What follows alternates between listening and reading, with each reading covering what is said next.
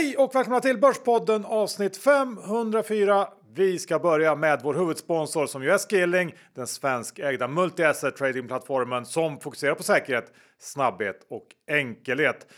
Och i en lite skakig ekonomi, volatil marknad, ja då vill man ju kanske diversifiera sin portfölj, minska volatiliteten och eh, hur kan man göra det på ett bra sätt John? Ja, då kan man köpa tyska statsobligationer eller amerikanska på Skilling. De erbjuder nämligen allt och eh, det här är det senaste de har lagt till. Ja, det är väldigt kul att det hela tiden kommer nya produkter att trada. Nu har de som sagt lagt till de här statsobligationerna. Du hittar den tyska under kortnamnet Bund, alltså BUND och eh, amerikanska T-billen under kortnamnet T-note. Så det här tycker jag man ska utnyttja. Det är ett bra sätt att diversifiera och minska risken i sin portfölj, speciellt som sagt i dessa volatila och skakiga tider. Ja, vet man inte vad man ska placera pengarna i kan det här definitivt vara ett alternativ. Ja, och det här gör då också att Skilling som hela tiden adderar nya CFD att trada är nu uppe i över tusen stycken instrument att handla och det blir bara bättre hela tiden. Så se till att öppna ett konto och kom igång helt enkelt. Ja, rapportperioden är ju igång nu. Ja, så att eh, ladda ner appen eller surfa in på hemsidan skilling.com och använd ett bank-id så är du igång på ett kick. Men kom ihåg att 76 av retailkunder förlorar pengar och har CFDR. Så besök skilling.com för en fullständig ansvarsfri skrivning. Och John, med det så säger vi ett stort tack till Skilling. Först händer ingenting John, sen händer allting på samma gång och det här är en sån morgon. Verkligen. Eh, påsken är över och eh, det har börjat eh, rapporteras och köpas upp i deluxum får man säga på börsen nu. Så är det, så att vi hinner inte säga mer utan man får lyssna på det här avsnittet som är måste lyssning. Vi är denna vecka sponsrade av Cameo som är Skandinaviens ledande investeringsplattform för säkerställda fastighetslån.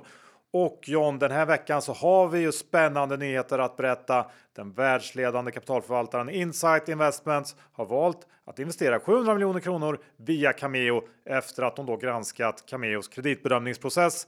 Och Ja, det här är ju en riktig kvalitetsstämpel för Cameo i en marknad som denna.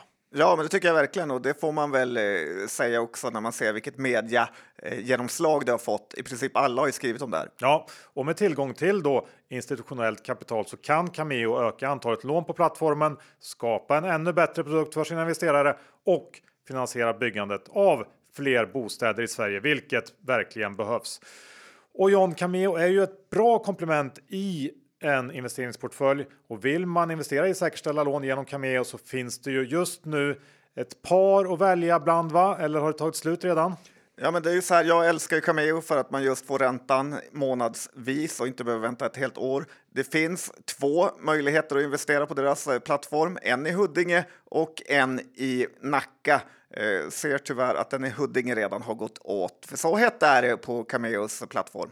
Och här tror jag det handlade om en årsränta på 10 respektive 11 procent. Eh, jag tycker att man ska gå in på cameo.se för att läsa mer och eh, ja, investera om man hittar något projekt som man tycker ser intressant ut. Men sen ska man komma ihåg att investera via Cameo har historiskt sett gett en attraktiv snittavkastning på 8,7% Men precis som med alla investeringar innebär det även en risk eftersom historisk avkastning inte är någon garanti för framtida avkastning. Vi säger stort tack till Cameo! Johan Dr. Haspin Isaksson eller Dr. Bass, eh, nyhemkommen från Marbella och brun så in i håvete, nästan mot det lite rödlätta hållet. Eh, fick du hänga mycket med Viktor? Dr. Brun kanske? Dr. Brun, ja så är det väl kanske i portföljen om man är Nej, kort. Men jag spelade en, en liten runda med Viktor. Gjorde mycket annat också. Men som Fick du vara på hans terrass Nej. och åka skateboard? Nej. Den, den är stor kan jag säga, jag har Okay. sett på Insta. Ja, ja. Du, eh, jag tänker att vi ska eh, Vem vann förresten? prata om börsen. Ja, men vem vann? Sånt är ju undisclosed. Okej. Ja, berätta lite om börsen. Eh, men jag är ju Dr. Haspin får man säga. Det är du. Så är det. För den har ju fortsatt mer eller mindre rakt upp. Eh, justerar man för utdelningar så är vi inte särskilt långt ifrån all time highs. Eh, det här har väl eh, delvis drivits på av en hel del omvända vinstvarningar här in i rapportperioden. Vi har Hansa, vi har Arus Karlshamn Eh, och kanske framförallt då Volvo Traton. Eh, och jag tycker ändå att det känns ehm, som att mycket av det som går bra nu, det bygger på ovanligt stora orderböcker som man inte hunnit eller kunnat leverera på eh, sista året kombinerat med att den här komponentbristen som orsakades av pandemin mer eller mindre försvunnit helt. Det vill säga att jag tror inte att de här resultaten riktigt speglar läget just nu. Tittar man på orderingång och andra mer framåtblickande delar i rapporterna så går det åt andra hållet och därför är jag ju fortsatt tveksam till börsen. Kanske inte helt oväntat. Nej, jag förstår det. Är det helvetet nära att braka lös nu eller är det lite längre? Det, alltså det är en definitionsfråga. Ja, men jag är väl ganska positiv fortfarande. Jag tror ju ändå att, det här, att vi är på väg att ta oss ur den här lågkonjunkturen. Bostadsmarknaden är på väg att vända. Eh, nej, men jag behåller jag, min jag, optimism. Ja, men jag tror med att det, den har inte börjat än, lågkonjunkturen. Det är väl det som är. Men där skiljer vi oss åt. Eh, sen har vi faktiskt haft en del vanliga vinstvarningar också. Vi ska inte glömma bort det, tycker jag. Verkligen inte. Vi Nej. ska prata om det i bolagsdelen sen. Ja, eh, Cellavision. Eh, vi har ju den finska kontraktstillverkaren Incap. Eh, det här har ju fått lite eh, mindre utrymme tycker jag i media sådär och på börsen. Men den delen finns ju också. Eh, så nu tycker jag att det är lite för mycket glädje eh, överallt. Men man ska se bägge sidor av myntet. Sen måste jag också ta upp igen svagheten i många småbolag. Det är förtvivlat segt i väldigt många småbolag. Tunna volymer, dåligt med köpintresse. Eh, jag har tagit lite positioner i, jag tror eh, tre småbolag här under sista månaden, men det är helt dött. Vill du berätta vilka? Nej, nej. nej kul. Eh, kanske, kul podd det här blev. kanske valt helt fel bolag, men. Du är ju Haspin. Ja, det är jag, så det är mycket möjligt att det beror på det. Men det här generella lyftet som i princip hela storbolagsdelen av börsen har fått. Det ser jag fortfarande inga spår av bland de här mindre bolagen. Jag vet inte hur det är för dig, men jag tycker att det är så. Nej, men det har varit katastrof för många av de här mindre bolagen. Jag också har lite tror att det beror på att bankerna har gått så otroligt bra och är stor del av index. Vi har sett i USA hur JP Morgan och andra banker har gått upp massor på sina rapporter och i Sverige går det väl hyfsat eh, för dem med. Ja, och kanske att det finns någon aspekt av att det är ju säkrare att köpa stora bolag på något sätt. Så att om man är lite osäker, ja, då kanske det ändå känns eh, bättre att köpa någonting stort stabilt än någonting lite mindre. Ja, och när vi pratar eh, småbolag så pratar vi nästan mikrobolag på en global eh, nivå. Ja. Alltså de här eh, kring miljard, någon miljard eller under det ja, till och med. Ja, precis. Men nu när vi närmar oss rapporter så innebär det ju också att en del olydiga bolag håller på med grejer som man inte ska, har sådana här pre-calls och diverse konstigheter för sig med analytiker och den värsta av dem alla var ju ute igen i måndags. Eh, för då hände det som alltid händer strax innan Elekta ska gå in i sin tysta period, alltså att bolaget pratar med analytiker. Lämnar ju självklart ingen ny information, men på något märkligt sätt så tappar eh, aktien då ändå över 6% på måndagen eh, och så här ser det ut inför i princip varje tyst period som Elekta går in i och man börjar nästan undra om det är någonting Alltså om de inte förstår det borta på läkta eller om de bara har den största liksom fuck you mentaliteten på hela börsen. Det är oklart, men det måste ändå vara en dröm tänker jag för alla analytiker som följer det här bolaget att veta att man inför varje rapport kan lura av e IR-avdelningen massa värdefull info som alla kunder sen kan handla på. Och eh, det värsta av allt nästan, det är ju att den här flathetsbörsen vi har, den tittar såklart åt andra hållet. Men det vore ju rätt enkelt att lösa det här. Släng på Elekta lite böter varje gång det här händer så lovar jag att det här problemet skulle vara löst. Det är ju ofattbart enkelt att lösa. Verkligen, det är så fruktansvärt irriterande och det som också är irriterande är ju att det här spiller över på andra bolag. Typ att Research har följt med i det här fallet och tappat eh, väldigt mycket. Serad har tappat en del. De måste ju sluta med sin kurspåverkande eh, information för att det påverkar hela börsen. Om det har hänt något så får de berätta det för alla. Eh, en annan sak Johan, som också är lite så här uttjatad så att det nästan är pinsamt i den här podden, är ju irritationen på eh, storfinansen. Men det blir lite som det här med läktat. det är fighting, the good fight. Man får inte sluta trots att man förlorar. Och jag tänkte på det igår och det var säkert fler än mig som såg det, men i öppningskålen så var Nordnet ner 20 procent. Eh, såg du det? Nej. Okej, okay. Eh, måste hänga med bättre. Mm. Nej, men för att sen när börsen öppnade så var första avsluten ändå kring nollan. Eh, och då tänker man att det är kanske någon orutinerad småsparare som latchar lite, men så är det inte. För grejen är att inga småsparare kan ens lägga såna här orders eftersom nätmäklarna har begränsat hur långt ifrån senaste avslutet man får lägga en order. Utan det här är ju algofirmerna som försöker utlösa stopplosser och annat djävulskap. Och det är så fruktansvärt irriterande att storfinansen får leka Lattjo på börsen medan om en småsparare gör det så är det direkt kurspåverkande. Here, here. Dagens utbrott. Ja, dagens utbrott. Eh, Men det behövs ju som du säger. Behövdes verkligen den här krönikan om FIRE-människorna då? Det behövdes den verkligen och eh, det är ju faktiskt en av de absolut mest lästa här på Affärsvärlden trots att Benson lagt den bakom någon typ av betalvägg för att Ja. hålla nere läsarantalet. Bara då han kan vara glad. Var det verkligen så? Jag vet inte, jag misstänker det. Nej, men eh, vissa har blivit ganska sura över den. Jag såg att flera såna här ekonomibloggars forum har fyllts med kommentarer där de inte tycker jag är så krispig. Eh, men jag är ganska krispig. Men nu har det hänt igen att FIRE-rörelsen har åkt på en ny smäll. Sen deras Obi-Wan Kenobi posterboy Marcus Hernhag la ut sin lägenhet till försäljning på Hemnet. Alltså författaren och aktieexperten. Eh, Det var inte direkt en living the dream-känsla eh, den lägenheten utstrålade. Eh, Det har inte varit många exit-fester där, eller vad säger du? En 42-kvaddare i Hökarängen. Du sa ju här i frågepodden, om du kommer ihåg, att eh, du sa att det kunde vara värt att lägga lite extra pengar på sitt boende, att det faktiskt var värt något. Eh, Den fällan har inte Marcus Hernhag fallit i. Eh, Men hur som helst så verkar det inte som att bostadsmarknaden är så död då jag såg att hans lägenhet har stigit 20-25 procent i någon typ av budgivning och ja, försvann igår från Hemnet på ett, med ett pris på över 2,4 miljoner. Så att, grattis Marcus! Berätta gärna lite hur du kommer investera den här vinsten. Ja, men det är kul. Jag avstår från att eh, kommentera så mycket mer när det gäller hela den där härvan. Du får hålla, du får hålla den fighten själv mot FIRE-rörelsen. Tackar, tackar. Ehm, däremot så vill jag höra din syn på Klarna nu. Nej, men jag börjar bli lite orolig om inte Klarna har satt sin sista eh, potatis faktiskt. Att det svenska betalningsundret har gjort sitt i och med att Apple nu eh, har gett sig in på riktigt i bank eh, och betalningsmarknaden. Att de startat ett räntekonto som ger eh, 4,15 procent i ränta med noll krav. Förutom att maxinsättningen är 2,5 miljon kronor, då, vilket är taket för den här amerikanska insättningsgarantin. Och det här var det väl ingen som riktigt såg komma.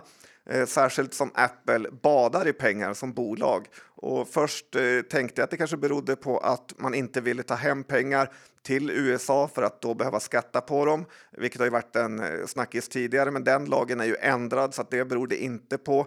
Eh, det här är ett samarbete Apple har tillsammans med Goldman Sachs eh, och det visar ju att Apple vill vara som de säger när jag läst lite top of wallet alternativet, alltså kortet som ligger överst. I USA är det ju redan vanligt att man har ett Apple betalkort där man faktiskt får 2% i payback på allt man köper. Här i Sverige så kör vi ju mest Apple Pay och jag har ju nästan helt slutat eh, använda det fysiska kortet och kör bara med Apple Pay, eh, vilket fungerar ju suveränt. Eh, Lite hoppas man ju att Apples räntekonto även ska komma till Sverige så man slipper alla våra halv-shady nischbanker och att storbankerna får konkurrens på allvar. Ja, men verkligen. Jag håller med. Använder du Apple Pay? Ja, men jag har, jag har börjat sent om sidor, alltså ganska nyligen. Ja, vad säger du? Ja, men jag är väldigt nöjd. Jag håller med. Det Ja, det är nästan så att, skönt att man aldrig behöver ha med sin lilla korthållare. I och för sig har jag ju stor grossplånboken med mig. Ja, där grosshandlar med diverse kvitton som ramlar ut. Ja, nej, men eh, man kan ju ha både och i och för sig.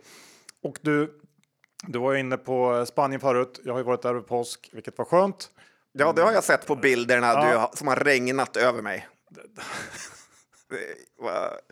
Ja, eh, men det som var ju mindre Du hade ju skönt. semester i semestern. Ja, det hade jag. Det var det sjukaste av allt. brukar- Åkte bort från eh, Marbella till någon annan. Vart var du då? I Ronda heter det. Okej. var på en liten vingård. Ja, det såg väldigt fint ut. Ja, nej, men, men så eh, var det. Eh, Det som var mindre skönt, det var ju att jag eh, tjänar ju mina pengar i svenska kronor och eh, då känner man sig ju fruktansvärt fattig när man åker utomlands. Och det börjar ju faktiskt på allvar märkas nu. Eh, och det, jag förstår de här utländska hantverkarna som börjar lämna Sverige för att de tycker att de får för dåligt. För att det, det, det är ju på riktigt någonting som man eh, märker av ganska rejält.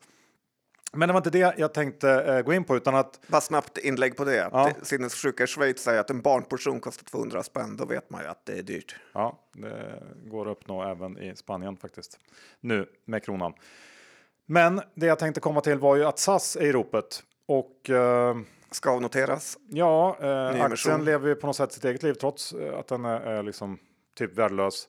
Eh, och det är omöjligt att hänga med i de här olika räddningsförsöken och olika missioner och låneupplägg hit och dit. Men eh, jag åkte ju såklart SAS till Spanien. Jag brukar göra det. Jag, För att du har klippkort, 10 klippkort. Ja. Sveriges miljöovänligaste man. har klippkort. Jag, Den enda från Arvika någonsin som har klippkort på SAS Marbella. Så fruktansvärt trögt. men Är det 10 eller 20? eh, jag har ett 20, 20 klippkort. men det är en bra deal. Det var ju därför. Ja, Eh, det är Det gillar man. lite fire över det kanske. Lite så. Ja. Ehm, men, eh, och jag brukar åka med SAS. Jag gillar SAS. Det är, tycker jag, det bästa flygbolaget som, som trafikerar den sträckan. Men Ja, de är faktiskt ganska bra att åka med. det jag till slut ska komma till är ju att på den här sträckan Arlanda-Malaga så är det ju inte någon kris direkt. Det är ju tvärtom. Planen som trafikerar den här sträckan, de är alltid helt knökfulla. Det spelar ingen roll när på året, vilken veckodag eller vilken tid på dygnet. Alltid fullt, alltid snordyra biljetter.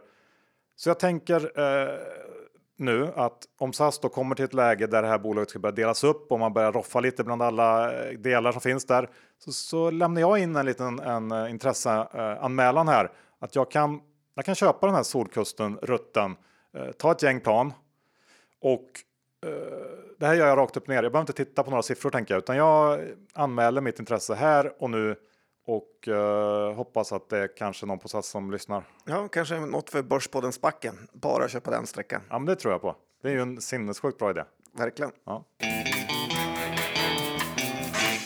Vi har den veckan med oss vår exklusiva fondsponsor Fidelity. Rickard, idag ska vi prata lite om fängelser. Kan man investera i det? Ja, det här är en ganska kontroversiell bransch eh, att diskutera och förra året så träffade vi återigen är, i, via våra eh, analytiker eh, den nu pensionerade eh, CEOn Rupert Soames som är var då vd för Serco. Serco är ett brittiskt bolag och de tillhandahåller fängelser, jobbar även med olika immigrationscenter, hälsovårdscentra världen över och de har ju då staten som den största kunden. Här lägger man ett stort socialt ansvar då för eh, samhället. Och varför vi ville titta lite extra på det här är att i, i de här oroliga tiderna nu så söker sig många efter olika alternativa investeringar och fängelse skulle kunna vara ett utav dem. Eh, men här gäller det också att vi som investerar i de här bolagen har stora påverkansdialoger med de här publika bolagen. Så lyssna gärna in om ni vill höra mer om det här som ett tema eh, i podcasten Trade-Offs på vår egen hemsida. Kom ihåg att investeringens värde kan minska och öka. Det kan hända att du inte får tillbaka det investerade kapitalet och historisk avkastning är ingen tillförlitlig indikator för framtida resultat. Åsikter uttryckta kan redan agerats på och hänvisningar till specifika värdepapper ska inte tolkas som en rekommendation att köpa eller sälja dessa värdepapper utan är endast inkluderade som illustration. Vi säger stort tack till Fidelity International. Vi är den vecka sponsrade av klädföretaget Asket. Och Asket är ju inte mode, utan Asket bryter mot modets traditionella regler och vill helt enkelt avsluta den här eran av överkonsumtion genom att hjälpa oss att konsumera mindre, färre men bättre plagg Och det här har ju vi verkligen anammat. Ja, de har ju lyckats eh, få in oss eh, på det här spåret. Just nu sitter jag i deras jeans, deras t-shirt och deras skjorta. Och hur krispig är jag på en skala från 1 till 10? Ja, men du är där uppe, toppen och nosar. Du kan säga en 10 Johan, även om du vill ljuga. Ja, men det, någonstans där, nio kanske. Tack. Men det är inte det vi ska prata om idag. För även om man köper de här tidlösa kläderna från Asket så kan det ju ändå hända att man av en eller annan anledning inte längre använder ett plagg. Och då har Asket tagit fram någonting väldigt, väldigt smart. Det här är deras revival-program och det innebär helt enkelt att du kan skicka tillbaks de plagg du inte längre använder och då få en eh, belöning upp till 250 kronor och sen så kommer de här plaggen att ges nytt liv och säljas igen, vilket jag tycker är väldigt, väldigt smart. Ja, det är otroligt smart. Och som en del i det här så kommer Asket i början av maj att öppna sin andra fysiska butik och den här butiken kommer då enbart att sälja begagnade, reparerade gamla asketkläder som fått nytt liv och kan göra någon ny människa glad. Ja, där kommer man ju definitivt att eh, shoppa loss lite. Och den här butiken kommer att öppna vid Nytorget den 4 maj och eh, man kan väl också passa på att slå ett slag för deras befintliga nuvarande butik vid Norrmalmstorg där de säljer den permanenta kollektionen om man nu är intresserad av att uppdatera sin garderob inför våren. Eller så går man bara in på deras hemsida Ja, det kan man också göra. Och vi säger stort tack till Asket! John, i morse händer det grejer och jag tänker ändå, trots att det är rapportperiod, så tycker jag att vi börjar med eh, en historisk händelse på Stockholmsbörsen. Alltså att eh, Bure Spacken slog till och gjorde ett förvärv. Eh, den första riktiga kan man väl säga. Vi har haft små spackar som har köpt grejer, men det här är den första stora spacken. Så det blir ju någonting annat ändå. Ja, det här är ett helt annat intresse och en helt annan ägarbas. Precis, och eh, för de som har missat det så var det då att Bures SPAC fusioneras med säkerhetsbolaget eller cybersäkerhetsbolaget Yubico som då löser problemet med stulna inloggningsuppgifter med hjälp av sin YubiKey. Och trogna Börspodden-lyssnare känner ju till det här bolaget efter att grundaren Stina Ehrensvärd var med i podden i avsnitt, vad var det? 382. 382 ja, och eh, det här är ju en het sektor just nu. Förra veckan eh, när Hagströmer var här så berättade han ju att man i Creadesbacken också tittat på och varit ganska nära ändå affär med just ett cybersäkerhetsbolag. Och att Buresbacken nu gör den här affären, det är ju ganska logiskt. Eh, har såklart underlättats av att vanliga Bure själva redan var storägare i det här bolaget med drygt 15% av aktierna. Och eh, tittar vi på Yubico så har de växt med 50% i snitt sedan 2016. Förra året så omsatte de drygt 1,5 miljard, gjorde 215 miljoner ebit. Bruttomarginalen var eh, på drygt 84% Det är ju eh, fina siffror. Eh, värt att notera här när man tittar på den här affärsmodellen är ju att Yubico fram till 2020 endast sålde sina keys mot en engångspeng som då gett kunden äganderätt till produkten under hela livslängden. Men sen 2020 så finns det också ett prenumerationserbjudande som har växt till 15% av eh, orderingången förra året. Eh, men det här innebär ju ändå att merparten av intäkterna inte är återkommande och det får man kanske ha i bakhuvudet. Eh, det här året har börjat ganska svagt. Enligt Prell-siffror för Q1 så ökar orderingången med 15% men valutajusterat så innebär det bara 3 eh, Förra året var dock extremt starkt. De växte väl ut, har justerat med 60% så att det här är ju ett bolag som har växt väldigt, väldigt kraftigt sista åren. Eh, tittar man på de långsiktiga målen som Yubico har så är det att växa orderingång med 25% och att ha en ebit-marginal på 20% under den kommande femårsperioden. Och i den här affären då, så värderas Yubico till 8,3 miljarder. Bolagets nuvarande ägare de kommer få ut 3,7 miljarder cash och sen äga 60% av det nya bolaget. Och nu på morgonen, givet spacken här på ungefär 104 kronor, så handlas eh, Yubico då till ungefär 9 miljarder i börsvärde med några hundra miljoner i nettokassa. Eh, det beror ju lite på hur det blir med inlösen och sådär. Eh, men om man då baserar eh, det här värdet på förra årets ebit så handlas den till en ev ebit multipel på 40. Eh, det är såklart högt, men om vi räknar lite på det och säger att bolaget kanske lyckas växa med 20 då kommande två år eh, och når 18% ebit marginal 2024. Målet var ju då 25 i tillväxt och 20% marginal. Då kommer vi upp i 400 miljoner ebit eh, 2024 och då eh, ger ju det då 20 gånger ebit på de estimaten Eh, väldigt snabba estimat, men ändå, de känns hyfsat rimliga. Det tycker jag ändå är ganska okej okay, givet att det här är det kvalitetsbolag som Bure verkar tycka att det är.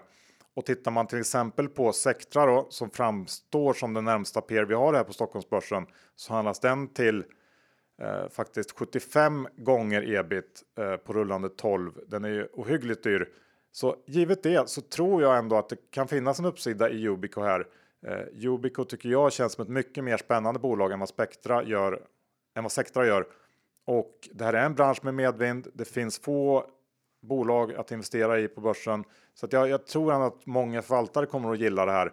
Och eh, om jag liksom var en förvaltare med eh, ett Sectra-innehav så skulle jag fundera på ändå att vikta över en del till, till Yubico. Ja, det är jättespännande och det värsta jag vet är ju sån number crunching som du gjorde nu. Eh, svårt att ta in sådana siffror, men jag tänker mer på att när jag såg presentationen här som vi tittar på på morgonen eh, så känns ju Stina eh, som ett fullblodsproffs, liksom mil ifrån de här svenska trötta vdarna vi är vana att se. Eh, vdn kändes också fantastiskt och enormt eh, påläst och eh, kanske blir man lite lurad för att de är så enormt bra på engelska. Eh, känns som Silicon Valley-svenskar. Det negativa är ju den här Digpass känslan man får med just den här eh, fysiska Yubico-nyckeln man går runt på. Eh, jag vet inte. Ja, om du lyssnar på Stina, hon sa ju att hon hade inte använt sin på tre månader. Nej, men den låg ändå i fickan, eller? Ja, hon hade den, men det kanske var Är för, man tvungen att ha med den? det kanske var för presentationens skull. Jag vet inte, John. Jag vet inte. Du kan väl ha den på din ny, nyckelknippe eller något då? Ja, Ja, okej. Men hur som helst, jag äger aktier i det här och jag tycker att det känns eh, spännande och eh, man önskar verkligen, kände jag lite så här, Tänk om Kambi hade haft en sån energiknippe eh, som Stina så hade den kursen stått liksom tiodubbelt. Eh, eh, vilk, ja, vilken tjej! Och kul att hon var med på den. Ja, och kul att eh, det här bolaget ändå väljer Stockholmsbörsen, vilket vi ju inte är bortskämda med eh, när det gäller de här svenska stora tech-succéerna. Många väljer ju att noteras i USA istället, men eh, nu är det andra tider kanske. Ja, vad det gubben hette där som eh, Tigersköld. Ja. Han kändes ju också väldigt eh, konfident och proffsig. Ja, och man väl kanske lite tryggare av att Bure har ju ägt det här bolaget i ett antal år och vet ju, känner ju bolaget väl så att de ja, känns säkra på sin sak och har ju gjort sin hemläxa om man säger så. Och de kommer inte sälja någonting i den här affären utan de ja, tänker ju vara långsiktiga ägare och det tycker också är någon slags kvalitetsstämpel. Men vi får se, det blir spännande att följa Yubico på börsen nu. Nu John går vi över till eh, eh, lite annat och då tänker jag att vi ska prata Nilörngruppen som har rapporterat igår. Ja, men det är väl lite sån här eh, utdelningsfavorit. Nilongruppen gör ju etiketter till kläder och kom med en ganska så svag rapport resultatmässigt eh, här igår. Men det som är intressant med deras rapport, det är ju vd-ordet där man kan nysta i lite vilka branscher som går bra och dåligt. Och eh, där säger de att outdoor och sport har varit eh, svaga på grund av alldeles för stora lager. Och det här tycker jag inte alls låter bra för New Wave, eh, Phoenix eller, eller Revolution eh, Race då. Eh, läste du vd-ordet?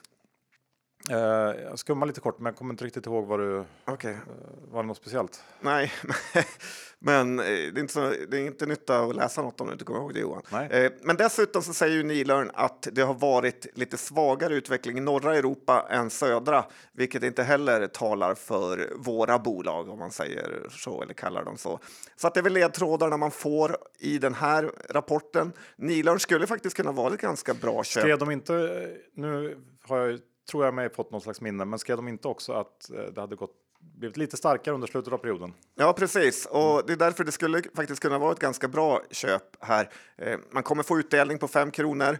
Q1 är ett ganska litet kvartal, eh, även om det har blivit mindre så här, eh, avgörande eh, vilka kvartal. Och eh, som du sa, det har bättrat sig mot slutet av kvartalet och bolaget är helt eh, skuldfria. Så jag tror inte man gör bort sig om man köper en liten post eh, Nilörn eh, här.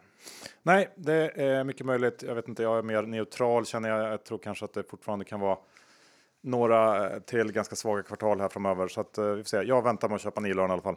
Neutral rating, här Ja. gul prick som Affärsvärlden gör. Ja, en gul prick. 80 procent av sina rekar. Ja. Sån är jag. Mm. Mm.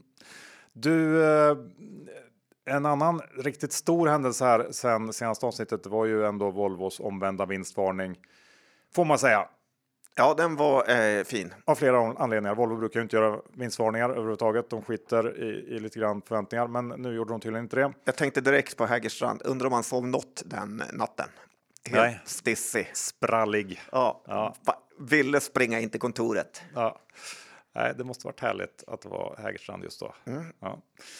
Eh, man får också säga att det här eh, på något sätt lugnar väl marknaden lite grann. Ehm, en- riktigt, riktigt stark rapport. Det var väl ingen som hade riktigt väntat att det skulle vara så starkt. Men jag undrar ju ändå liksom, hur mycket säger det här egentligen?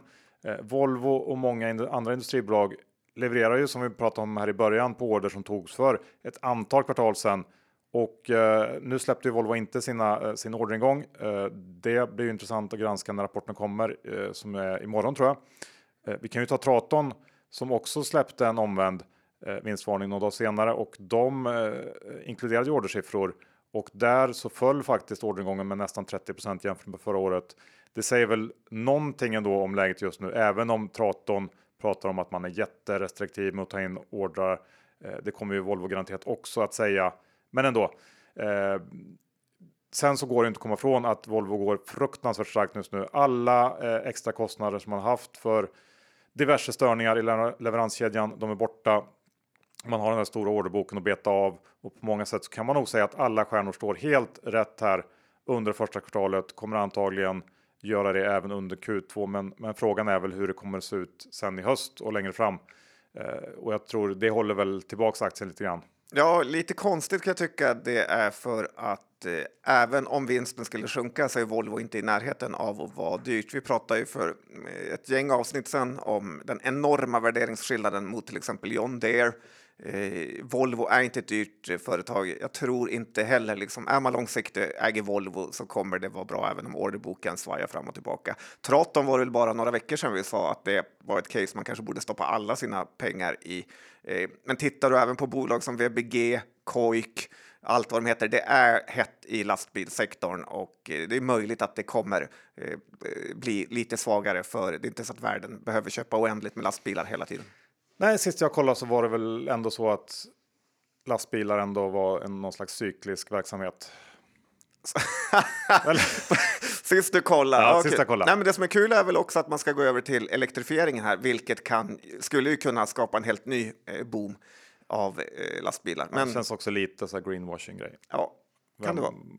Men ändå ett helt nytt ben att stå på. Ja, visst, så är det. Ny vertikal. Ny vertikal. Eh, sen har vi ju, jag tänker vi ska ta upp någonting eh, lite apart som man brukar säga. Ja, berätta. Eh, det är ju då Manchester United speket som många traders varit inne i, budspeket. Kom du förresten ihåg när du fyllde år? Jag köpte en Manchester United tröja till dig med Zlatans nummer eh, mm. åt dig. Ja, det stod också Ibrahimovic på eh, baksidan. Ja. Den har jag kvar hemma. Ja, men jag tror aldrig att jag fått en present av dig ska jag säga. Nej, men det var extremt schysst av mig. Ja, det var det. Eh, Eh, men så här, jag känner nästan att jag sur att jag aldrig har fått något. Någonting har du fått. Mm, vad har jag fått? Kom ihåg en gång jag fick något ganska dåligt av det. det jag ska säga till om jag kom på. Ja. Men en sån här spännande trade man kan kolla på nu är ju faktiskt eh, på att köpa Manchester United som är noterade i USA med tickern ManU. Eh, lite med varningen då får man säga att eh, man får fråga sig själv vad en svensk har för USP mot London Bankers och insiderhandel från arabvärlden. Eh, men som 50 Cent eh, säger, get rich or die trying. Eh, så jag ska berätta caset här. För oss som följer fotboll så är det en ganska stor grej att Manchester United ska säljas.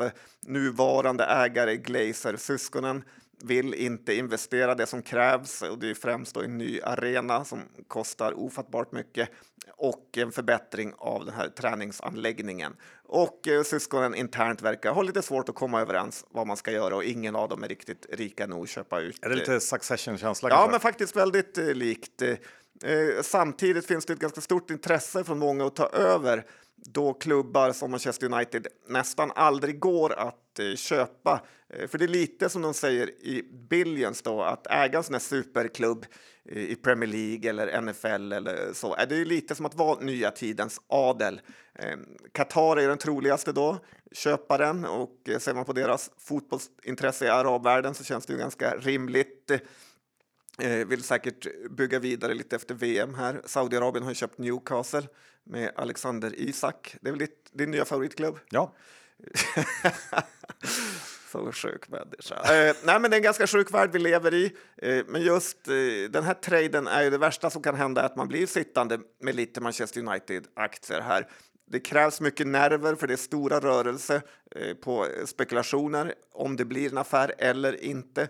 Aktien gick ner 10% i måndags och sen upp 5 igår. Så det är ju en högrisk-trade, men ändå en sån jag gillar. Jag har inte köpt några aktier själv, men jag tycker ändå kan, det kan vara värt att hålla koll på. Ja, lite kul att följa. Eh, vi går över till svenska börsen John och HMS som ju är inne i någon slags eh, märklig super grej på börsen i alla fall. Ja, men det är som trans. Eh, trans, ja, precis. Lite eh, sektra värdering på det nästan. Ja, eh, det är ju. Eh, och visst, det finns ju anledningar till det. Q1 då som kom här i, var det i förrgår kanske? Det är maskiner som pratar med varandra. Va? Ja, det är lite som data. Mm. Ja. Lite AI kanske? Det tror jag inte. Mm, men maskiner som pratar med varandra är ganska läskigt. Ja, det är det. Uh, den var stark i alla fall, Q1. Uh, ehm, och här är det lite samma visa som i Volvo, att, att man alltså har en väldigt boostad orderbok som man sen då verkligen har kunnat leverera ut på under kvartalet här uh, eftersom leveranssituationen för diverse olika komponenter och halvledare har förbättrats rejält. Men tittar man på orderingångssidan så tappar HMS 20% mot förra året och den här starka effekten man fått av kunders lageruppbyggnad. Den kommer att avta mer och mer ju längre året går. Eh, framåt hösten och in i nästa år så blir det ju betydligt tuffare att visa upp tillväxt och då kliar man sig ändå lite i huvudet när det gäller det här bolagsvärdering. Eh, för på rullande 12 så betalar man ju nu nästan P40 och då är ju det siffror som är dopade får man säga av förköp och annat. Så att jag tror ju att HMS är en väldigt, väldigt bra säljkandidat här eh, nu om man tittar eh, sig ett år framåt. Ja, men det håller jag verkligen med om. Obegripligt hur eh, den aktien kan gå upp så mycket. Jag var nästan sugen på kortare än på rapportdagen just på grund av orderboken. Eh, men det verkar inte ha någon betydelse. Den gick väl upp 10 igår på rapport eh, trots den här. Det var såklart också väldigt väntat att orderboken skulle eh, eller orderingången skulle minska. Men eh, ja, jag vet inte. Dyrt är det i alla fall. Ja, dyrt är det. Men någon gillar det. Ja, det får man ju säga. Väldigt många antagligen.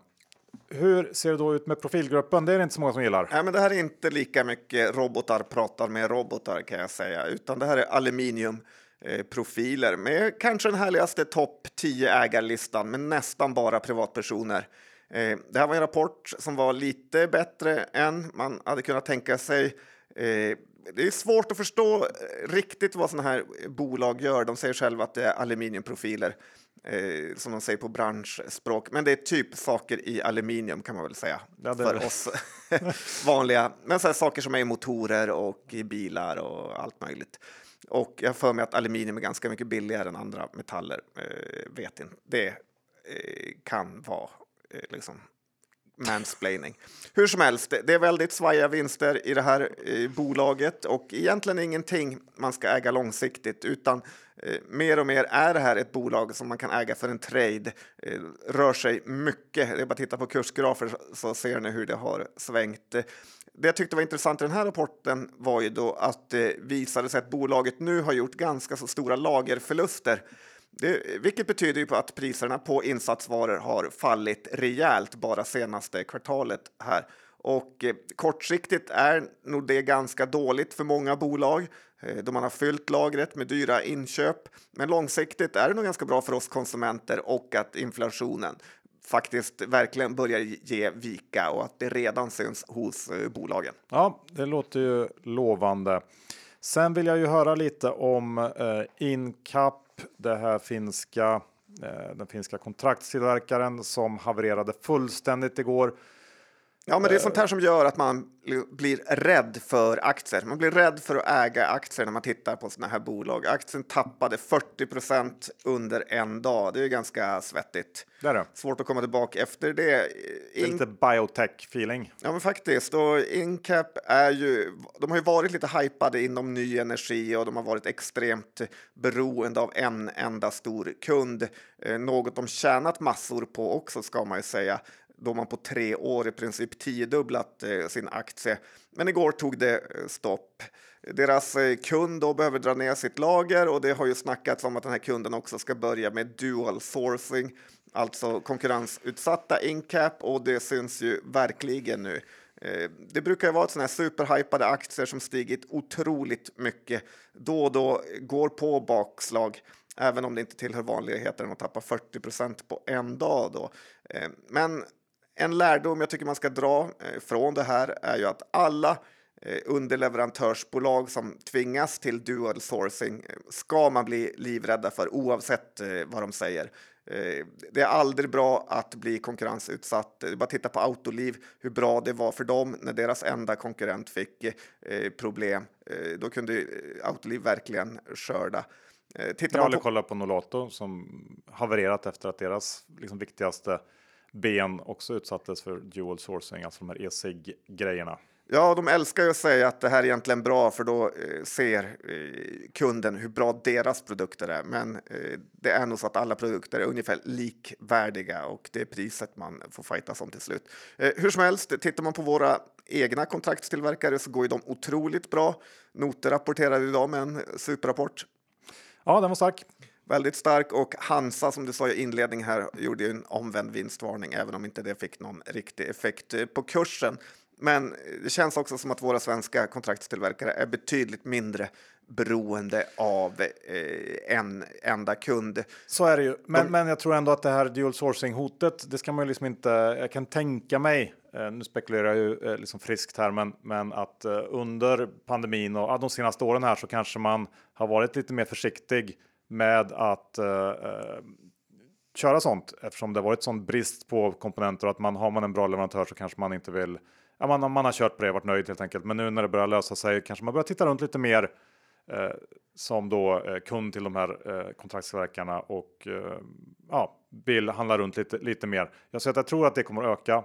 Ja, verkligen. Och även nu när det inte är lika lätt att höja priserna så kommer ju även eh, slutkunden vara mer eh, priskänslig. Så att det är också eh, att man vill konkurrensutsätta underleverantörerna. Ja, och jag, jag, som ett sista tillägg, jag förstår inte varför de här aktierna går på vatten i princip. Eh, Det känns, tycker jag, lite historielöst. Eh, Det är, det är ju ändå liksom bolag som ska värderas lågt. Och det finns ganska goda anledningar till det, tycker jag i alla fall. Ja, men det är bra min att egen åsikt. Dr. Bass här i toppform. Det är i och för sig bara jag som tycker verkar som, eftersom det är liksom eh, tech-tech-värdering på de här bolagen. Jag gillar ändå att säga historielöst. Det är Ja. sånt man läser i DNs kultursidor. Men det är lite historielöst. Så är det bara. Så är det. Det är inte mitt fel. Det är inte. Vad har du nu näst på Tvärtom agendan? skulle jag säga. jag försöker liksom Hålla alla på jorden. Ja. Eh, men det behöver jag ju inte göra i Cellavision. Det behöver du inte. Eller säger man Cellavision? Vad är? Är det en, Jag är ju en eh, Du är en engelsk. Du gillar det här mer internationella uttalet. Ja, men vad skulle det betyda på svenska? Cellavision? Ja, det betyder väl samma sak? Eller? Ja, Okej. Ja, det kanske gör. Vision eller vision? Det är väl... ChatGPT översätta. Ja. Men eh, där behöver jag ju liksom inte trycka till för den, det gör de själva så bra. De släppte ju en vinstvarning här under måndagskvällen eh, och det såg inte bra ut. Omsättningen var 15% lägre än väntat, eh, vilket då innebär ungefär 15 lägre än förra året också och en ebita marginal som landar på svaga 25% väntat var 33 och det börjar bli ett antal kvartal i rad nu som Sella har gjort marknaden besviken. Och i vinstvarningen så pratar man om temporära lagersänkningar hos distributörer och en tuff marknad i Kina. Eh, men säger också att lagersituationen nu har normaliserats. Och det är ju möjligt att Cellavision bara håller på att jobba sig igenom ja, men en cykel eh, som förr eller senare vänder upp igen. Andra bolag som verkar på labbmarknaden om man ska säga så, typ Bull har ju också uppvisat svaghet ett tag. Så det är möjligt att det här är någon slags eh, generell svaghet som har funnits i marknaden ett tag. Medicover har gått uselt med. Ja, eh, och att det snart vänder upp. Aktien har ju haft en riktigt dålig period bakom sig. Eh, Den är faktiskt nere på 2018 års nivå nu, tappat eh, 30% i år ungefär och eh, 55% på ett, ett års sikt. Tyvärr så kommer man då från en värdering som har varit hårresande så att trots den här stora nedgången så är ju inte värderingen jättelåg. Eh, men om man gillar det här bolaget så kanske det ändå kan börja bli läge att ja, men skala in sig, hoppas på att det vänder här under året. Jag vet inte, det är ingenting för mig riktigt, men eh, någonstans så kanske det vänder. Ja, det är väl Christer Foreus, storägare där, Martin Gren, eh, många bra personer. Jag tror ändå att de börjar bli lite revanschsugna och eh, det är ju nästan positivt att alla bolag har problem, så är det inte bolagsspecifikt. Eh, man brukar ju få alltid tycka sådana här bolag är dyra. Eh, jag är lite småsugen men har inte heller köpt. Nej. Du, eh, sen då som den store tech-renässansmänniska du är så har du ju Ja, spanat lite AI, kombinerat de spaningarna med eh, Storytel av alla bolag. Och vad har du kommit fram till då? När du är sådär Johan, då vill jag knappt eh, berätta. Ja, berätta. Jag känner ditt eh, hån. Nej, men alla pratar ju AI och, och eh, jag tänker på ett bolag här som skulle kunna gynnas av det i närtid. Ja. Ja, och det är ju som du sa faktiskt Storytel och att eh, det behövs inga betalda eh, skådisar som läser in böckerna utan det kan AI göra. Eller kanske ännu hellre att man själv kan välja vilken röst man vill ska berätta den här boken för dig. Eller att varje bok blir som en radioteater, att det är flera olika röster till eh, olika personer. Eh, jag tycker Storytel borde presentera eh, lite idéer om hur de tänker utnyttja det här med vad AI bidrar med. Eh, man skulle också kunna tänka sig att man fick ändra slutet i böckerna eller styra ännu mer lite grann, att det blev liksom spin-offs av någon person i den här boken man ville höra mer av, att då hittade AI på en ny bok om just liksom en biperson. Ja, det här med hitta på är den ju bra på. Ja. Jag testade faktiskt senast igår Inte på att du sagt på Börspodden igen. Nej, men det här, jag försökte få honom att, att transkribera senaste avsnittet med Sven Hagströmer, alltså skriva ut alla ord ordagrant. Ja. Och så frågade han, eh, kan du göra det åt mig? Då sa han ja, absolut, skicka länken. Och så skickade jag länken. Eh, och då skrev han, men den här eh, ljudfilen är drygt en, minut, en timme lång och det stämde ju. Så tänkte jag att nu kanske det funkar. Och så började han skriva. Och då började jag med att skriva så här, Marcus Hernhag säger, Att hans lägenhet är undervärderad. ja, och så bara stoppade jag och bara skrev, nej men fel, det här är helt fel. Okej. Och så pröva igen nu. Och så sa han, okej förlåt mig att jag gjorde fel. Och så provar han igen. Och men börjar igen med att skriva, Marcus Hernhag säger, Ja, det- välkommen Sven Hagströmer. Oförlåtligt. Ja, det är konstigt. Framförallt är det så konstigt att han hittar på. Ja. ja, det är konstigt. Den ljuger väldigt, väldigt mycket. Istället för att bara säga, men jag kan inte det här. Ja. Ja. Bra, var en liten, liten inflikning bara. Ja. Jaha, men vad kom du fram till då? Storytel ska man köpa på eh, AI Ja, men jag såg att de fick en höjdrek idag av Kepler. Jag är lite sugen på Storytel faktiskt. Ja, den har gått ofattbart dåligt ett tag nu. Ja, något borde de kunna utnyttja AI med. Annars kan väl, om inte annat, kan väl EQT köpa ut skiten. Ja, jag kanske ska bli sån här tech evangelist eh, hos eh, Storytel. Ja, Så styr jag upp lite idéer. Ja, du har idéer i alla fall. Det får man säga. Eh, du kanske kan bli det på Netflix också, eller? Det kanske blir. De hade ju rapport igår och det var, blev väl lite av en icke-händelse till slut. Eh, för första gången på länge får man säga. Det här är ju en rapport som, eller ett bolag som verkligen brukar eh, svänga på rapporter. Resultatet är ungefär som väntat, lite sämre abonnentintag än vad marknaden ville, eh, vilket eh, först skickade ner aktien, men sen positivt snack på konfkålet så att det blev eh, kring even Steven i efterhanden. Men en sak som jag tar med mig från det här, det är ju att Netflix eh, faktiskt nu ska sluta med sin DVD-posttjänst den 29 september i år. Eh, Den trodde jag verkligen inte fanns kvar. Alltså att de skickar ut fysiska DVD-filmer till kunder. Eh, Den här verksamheten omsätter, eh, omsatte nästan en och en halv miljard Oj. eh, 2022 så att eh, amerikaner verkar fortsatt gilla DVD-skivor. Kanske något för BP Spac 2 att köpa. Ja, varför inte? Och då har vi ju på under en timme eh, lyckats prestera fler eh, spackaffärer än vad Bure gjorde på två år. Så är det. Ja. Och på tal om affärer John, så har vi ju träffat Carl Square och eh, Carl Squares Anders Elgemyr och Erik Lundberg. Snackat lite vad som händer där ute i stora världen bland de som gör affärer på riktigt. Ja, Johan, du kanske såg min power move? Ja, jag såg den. Att jag tog fram min D-kopp och drack kaffe ur den hela tiden. Men det verkar inte ha gjort han så nervös. Lite oklar power move. Eller? Ja, han hanterade den bra. Det gjorde han. Så att eh, det snacket kommer här. Lyssna på det. Då har vi Anders Elgemyr och Erik Lundberg från Carl Square med oss igen. Och John, jag tänker att eh, vi direkt kan börja med en liten eh, rolig nyhet från Carl Square. Ni har etablerat er i USA och Silicon Valley. Eh, känns kanske lite läskigt med tanke på allt vad Alecta gått igenom här på slutet. Eller?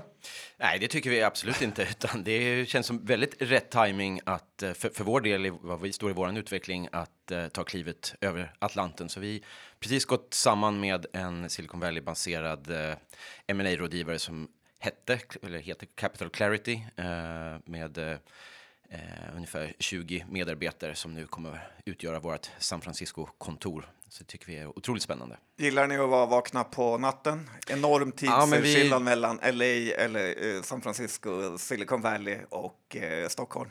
Ja, vi har ju haft den eh, eh, sägningen, som det, det är väl säkert flera andra bolag som har haft, eh, att eh, Carl Square never sleeps och nu eh, är den väl mer, mer sann än någonsin då. Eh, kanske lite fyndigt. slitet, men eh, lite fyndigt kanske. Ja, men kul att eh, det händer grejer. Det har också hänt väldigt mycket i världen sen ni var med här i slutet av januari senast. Vad är er syn på marknaden just nu? Jag tycker fortfarande att vi, alltså, hur ska man sammanfatta det kort? Det, det flödar in likviditet i systemet igen, vilket gör att vi får en, en uppställ. Men jag tror fortfarande att det, liksom, det är inte över än, för vi kommer att se att centralbankerna kommer att försöka göra en grej till och försöka höja räntorna ett steg till för att se vad som händer. Och när, de här amerikanska bankerna smäller, det är lite grann det vi kommer att få se kanske en gång till, för att man, det är ungefär som man sänker vattnet i en stor damm. Någonstans så flyter det upp en, ett lik liksom.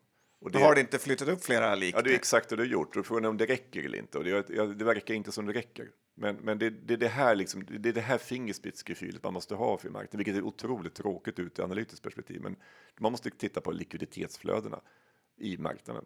Det är det som gäller. Det, det pratas ju en hel del om att eh, commercial real estate i USA, det skulle kunna bli nästa sån här stora problem eh, härd. Eh, hur tänker ni kring det? Alltså, apropå Silicon Valley, det är alltså 30 procents eh, vakansgrad i, i San Francisco. Det är helt sjukt. Och det kan man väl säga att i Sverige gick vi tillbaka till, till kontoren efter covid, men det har man inte gjort i USA och det ser vi även på vårt amerikanska kontor. Att, menar, av de 20 stycken anställda så är det kanske max fem stycken på kontoret. För att de, det är lite en kultur i USA att man, man, man åker inte till kontoret, man jobbar hemifrån.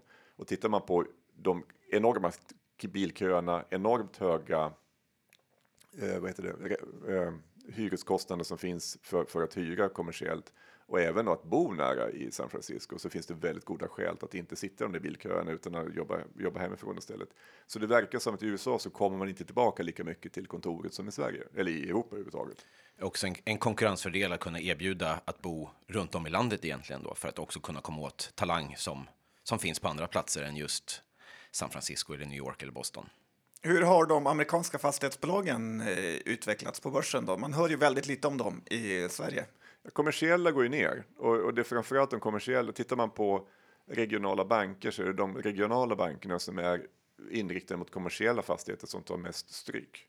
Så, så där finns, så du, du, är helt rätt på spåret. Det är klart att det är här som det finns en kreditrisk. Alla subprime 2008. Det, det, det, det var då allting började så att säga på, på den fastighetssidan. Så det tittar vi väldigt noggrant på. Tittar på det kommer det kunna bli en liknande, eh, vad heter det, snöboll som då. Nu såg man hur otroligt snabba Fed var på att gripa in när det väl small på de, de tre bankerna i, Silicon Valley. Så jag tror att det kommer att vara samma. Alltså det, det finns den här Fed put som vi pratar om, att Fed finns där bakom hela tiden och kommer att stödja marknaden gör ju att riskvilligheten är lite högre än den kanske borde vara. Så att ja, det är jättekritiskt. Vi ska absolut följa det. Kommer ja. smälla, vet inte. Men här i Stockholm då, vad, det snackas ju dagligen och i spaltmetrar om eh, fastighetssektorn. Mm. Här senast var ju Heimstaden under attack och eh, Alekta igen. Vad har ni för eh, take på det? Alltså det är, de är, tittar vi på obligations Förr i tiden så var det så att man, man, det var bankerna som, som stod för krediterna till, till fastighetsbolagen och sen öppnade plötsligt obligationsmarknaden. Så man gick ifrån 14 procent av det totala belåningen bland fastighetsbolagen gått till 40 procent obligationer. Från 14 till 40 procent på några få år. Och nu kommer det förmodligen sjunka tillbaka. Då frågan, kan bankerna liksom ta över de här? Eller vem ska ta över det? Kommer det behövas nyemissioner för att ersätta obligationslånen? Det är det här som är den stora frågan. Tittar vi på vakansgraderna så är de inte alls lika höga i, i Sverige och kommer förmodligen inte heller bli. Det ska bli till en enorm krasch för att det ska få en, en stor vakansgrad i Sverige. Utan det är de här kranskommunerna, mellanstora kommunerna, det är där du kan se problemen. Tittar vi i centrala Stockholm så är det väldigt svårt att se att det, vi har ju svårt att hitta kontor. Vi tittar lite grann, letar nya kontor, det går nästan inte. Prova en källare. Eh, har ni plats här eller? det är inte så, så svårt att Nej, det, det, krav. Nej, men typ huvudstaden, så här, lågt belånade, bara, bara otroligt fina lägen. Det, det är ett klart intressant bolag att köpa. För, för, och jag tycker att man ska börja titta på fastighetsbolag och köpa in sig i fastighetssektorn, men ta med viss försiktighet så att säga. Så, så jag menar, SBB, Balder och liknande är ju de högst belånade och de som har högst grad av obligationer. Men jag har också tagit med stryk förstås. Så en liten kompott av olika, olika bolag skulle jag säga. Mm. Eh, sist ni var här så pratade ni också mycket om att det såg starkt ut i pipen när det gällde eh, förvärv, bolag som tittar på utköp från börsen och så vidare. Och eh, nu bara den här morgonen så har vi ju tre stycken bud på börsen. Hur, hur um, ser den här pipen ut nu? Hur ser aktiviteten ut nu bakom och, kulisserna? Ja, och tre väldigt skilda sektorer. Det är ju Upp och Nor, SignUp och eh, Rovio. Eh, dataspelsbolaget. Så att det verkar vara sug där ute efter eh, att köpa bolag. Ja, men det är det. Eh, kvalitetsbolag eh, är alltid eh, eftersökta och värderingarna även på kvalitetsbolag har väl kommit ner lite grann, vilket gör att eh, det blir attraktivt att titta på både utköp och privat M&A där multiplarna har gått ner lite grann då jämfört med för ett och ett halvt år sedan. Och många köpare har gått om pengar så att säga. Många private equity-bolag som har eh, välfyllda fonder. Eh, så vi kommer se fortsatt aktivitet, eh, både privat och publik M&A. Hur är det med finansieringen då, som det också har pratats om? Alltså det är det som är hämskon. Tittar vi på de stora, men vad är det som håller tillbaka med nej aktiviteten? Jo, det är väldigt svårt att få lån just nu. Så, men det, det är iskallt i, i London som är det fortfarande finansiella centrumet i, i Europa. Så de stora affärerna lyser lite grann med sin frånvaro, för det är väldigt svårt att få ihop paketeringen. Men och som ett mindre bolag och de som små och medelstora bolag tror jag är enklast att förvärva på börsen nu. Men det, det, är precis som du säger, det är väldigt mycket räknande på kamrarna just nu. Mm. Och, och det, är väl, det, är väl, just det, jag tycker de här tre buden du, du nämnde här idag då, är väl en ganska bra representation av de sektorerna som är intressanta. Det, det är bolag med, med ganska stabila återkommande intäkter där det också finns eh, industriella spelare som har välfyllda kasser och då blir finansieringen lite lättare eller inte lika mycket av en utmaning då medan andra sektorer kan ha det lite tuffare. Alltså banklånen kan man fortfarande liksom få om man har positiva kassaflöden. Hur mycket får man låna i Ungefär procent? Fyra, fem gånger årsvinsten. Eller, eller tre till fem skulle jag nog säga. Som lite som på bolån då? Ja, lite grann ungefär. Vi byter eh, ämnesområde helt och eh, ska prata lite uppdragsanalys, för det är någonting som ja, men, eh, river upp en del känslor ändå. Det har varit någon granskning i DI och det är olika, olika åsikter om just uppdragsanalys. Alltså jag har ju varit en av de som verkligen har tryckt på och försökt få in uppdragsanalys i Sverige. Jag var en, en absolut första som höll på med det. Och, och, anledningen är för att jag tycker att lite information är bättre än ingen information. Det är liksom själva huvudpoängen. Sen finns det olika kvalitet på uppdragsanalyser, det ska man inte glömma bort. Jag, menar, jag vill ju att de, de, de, dåliga ska försvinna naturligtvis, så att kvaliteten blir högre. Men, men det, är, det här är ett stort ämne, men, men liksom, man lite grann så här, ja, uppdragsanalys är fult för att det, man betalt av företagen. Men herregud, jag menar säljsidesanalytikerna som sitter på bankerna, det är väl också någon, någon relation någonstans som gör att, jag har jobbat i 20 år på olika banker med, med säljsidesanalys. Och, och, det finns ju otroligt mycket relationer. Bankerna vill komma åt bolagen för att kunna göra roadshows med dem. Man vill göra nyemissioner, man vill, man vill ha en bra relation till dem och sådär. Det, det ska till mycket innan du skriver en säljrekommendation om du är säljsidesanalytiker. Och sen kan man också se det som att det är en IR-tjänst som bolagen tillhandahåller till inte minst småsparare som kanske inte kan eller har tid eller, eller förstår då en, en eh, årsredovisning eller kvartalsrapport utan kan få då någon som sätter eh, siffrorna och bolaget och marknaden i, i en sammanfattning och, och jämför med andra bolag i samma bransch och så vidare. Medan bolagen i sina egna rapporter berättar ju bara främst om sig själva och kanske, kanske inte då lika objektivt. Nej, men det är mycket som hänger på kvaliteten, för lite, lite är det ju ofta ett instegsjobb lite grann med att vara eh, betalanalysanalytiker och eh, sen går man vidare därifrån. Hos oss är det absolut inte det. Våga analytiker har jobbat 20 år typ. Eh, och, och, och, det är liksom sådär, det är en annan typ av analys man kan få då. Du kan ju få liksom en, en enorm liksom, erfarenhetsbank och, och kunna dra de långa linjerna. Så jag, jag tycker inte att det, det, är korrekt det du säger. Eh, och det är egentligen samma sak på säljsidan också. Det kommer också in väldigt mycket unga analytiker som, som får nya jobb. Det är lite problem när man bygger upp en analystjänst, man har gjort ett antal gånger nu, att du, vad ska man välja? Ska man välja en, student som är bright eller ska man välja någon som är seasoned? Och, och jag tenderar att välja någon som är seasoned för då, då kan man bygga långsiktigt. Ja, men jag, jag, jag, eh, tycker ju att det är bra att uppdragsanalysen finns och nu när Sa Johan in... som har jobbat jättemycket med ja, men det. har jag faktiskt gjort och eh, så att jag, jag vet ju vad det handlar om. Eh, och speciellt nu också när det kommit in så enormt mycket nya bolag på börsen. Det är svårt att hålla koll på vad alla gör och, och, och förstå bolagen och det är ju ett bra sätt att snabbt eh, skapa sig en, en översiktlig bild av vad ett bolag gör. Tycker jag. Ja, e-, exakt. Och liksom, man får ju ändå tänka på att de, de är betalda analyserna. Jag menar, ha det som utgångspunkt. Ta till dig det som är bra. Men få en översikt, snabb överblick, titta lite grann på prognoserna. Är de rimliga eller inte? Och, och, så, och strunta kanske om det är en köp eller säljrekommendation. Ha det som ett underlag för din egen analys. Ja, men det är bra att det finns eh, mer info. Eh, en sak eh, som vi måste ta upp eh, det är ju att eh, rapportsäsongen drar ju snart igång här i dagarna och eh, vi har ju sett lite omvända vinstvarningar och några vinstvarningar med. Men det brukar ju bli extremt roligt att följa börsen under eh, den här eh, perioden. Vad är er take på kommande rapportperiod? Eh, alltså det ser sjukt starkt ut i USA. Eh, rapporterna som har kommit in i USA har varit jättefina. Eh, så att jag tror att det kommer att spela sig även i Sverige. Det brukar vara en sån här dipp första dagen när rapporterna kommer igång och sen drar det igång ordentligt när, när väl tech-rapporterna kommer igång. Så jag tror att vi får den där. Jag tror att det här kan vara liksom sista uppstället. uppstället. Sen tror jag att man ska vara väldigt försiktig i maj på, på äga aktier. Utan man kanske ska ta det lugnt under sommaren och sen gå in när alla andra går ut i september där. Då, då, ska man, då kan det bli riktigt köpläge. Är det någonting lite speciellt som ni kollar lite extra på i rapporterna som kommer in nu?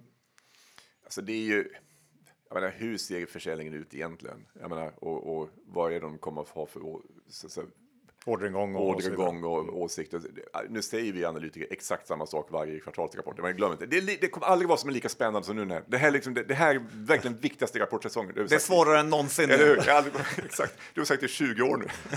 ja, men det, det, det, det tror jag det är väl någonting jag för mig ni tog upp. Tillväxtsiffrorna som kommer in är ju inflations dopade, man ska säga, som hur, om du säger orderingång, hur många produkter har man sålt, hur många hus har man sålt eller liknande. Att man tittar på det snarare än att titta på omsättningstillväxten för att det är ganska lätt att ha 10 tillväxt nu om man har höjt priserna 10% på ett bräde under ett år. Eller Ja, nej, men så är det. Så är det.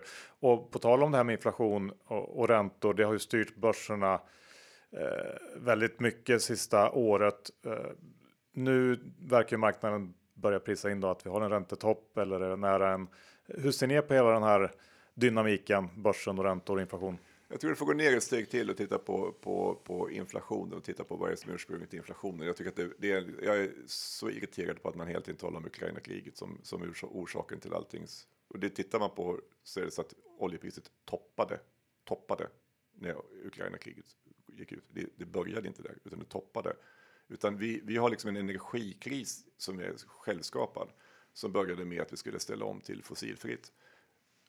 Absolut, det ska vi göra, men kanske inte så snabbt och så lika abrupt som vi har gjort och samtidigt släcka en massa kärnkraftverk. Igår, vad var det i helgen så släckte man det sista kärnkraftverket i, i, i Tyskland. Det är så idiotiskt. Jag säger till mina kollegor i Tyskland, vi importerar alla dumma idéer från er. Och det är det vi gör i Sverige. Vi liksom släcker kärnkraftverk, men vi har liksom, nu ska vi ta in, bygga upp allting på, på sol och, och, och, och vind. Det vill liksom inte riktigt ha förutsättningarna rent geografiskt för det. Så vi skapar, men det här är en global kris. Det är inte en svensk påfund, utan det är, en global, vi har satt oss i en, en, energikris. Så är det någonting ni ska titta på så är, det råvaror de sista när, närmaste tio åren. Liksom, det, vi I Sverige handlar inte så mycket råvaror. Men, men det är nog det som kanske kommer, det ser ut som en, en riktigt bulltrend de närmaste tio åren kanske på, på råvaror och liknande. Lundinarna har ju köpt massa eh, koppargruvor här, de brukar ja. ju veta vad de gör, ja, även ja. om det är barnen som har tagit över. Ja, ja nej, men det, det, det är koppar, det är, det är olja, det är uran, det är vete, det är korn, det är liksom, eller vet du, majs, det, det är liksom den typen av, av, saker man ska titta på de närmaste tio åren. För det är där som, som, som bristen finns.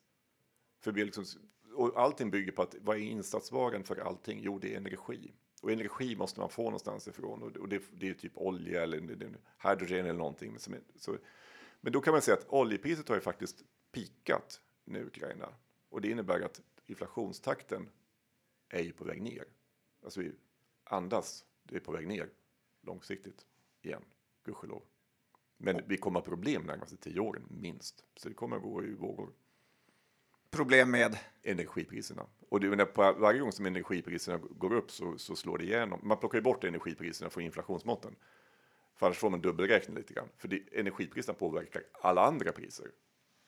Och det är lite samma, tillbaka till rapporten, att även kolla på hur eh, bolagen då har hanterat sina kostnader. Alltså, som jag sa, då, man har växt 10% men hur, hur har kostnaderna växt under samma period? Har man kunnat hålla nere dem eller har man deras leverantörer höjt priserna 15 procent, ja, då, kommer, då går det ju ut över bottom line. Och, så det är där man ska göra analysen.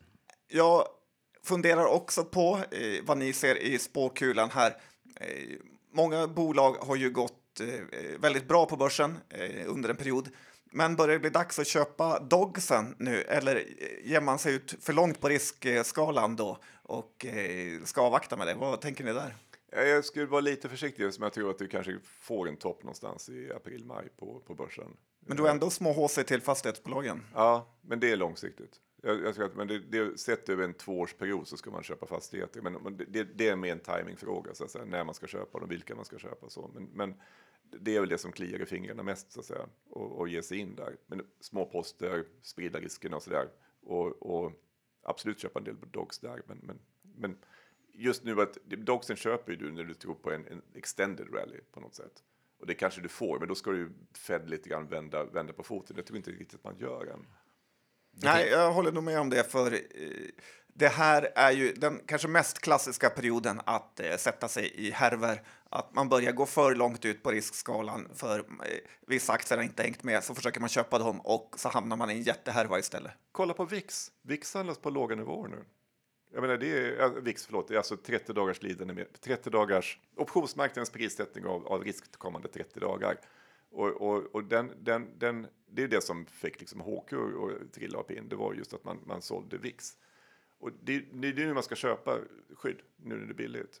Så, så försök tänk på att köpa lite skydd nu när, när VIX är lågt. För det, det, det, de kan ju gå upp liksom 10-20 procent på en dag. Ja, intressanta tankar eh, där. Får jag slutligen, nu när ni har kontor i eh, USA, vad tror ni om det kommande presidentvalet här när Trump har gett sig in i leken igen? Åh, oh, Jesus. Hade du ingen enklare fråga?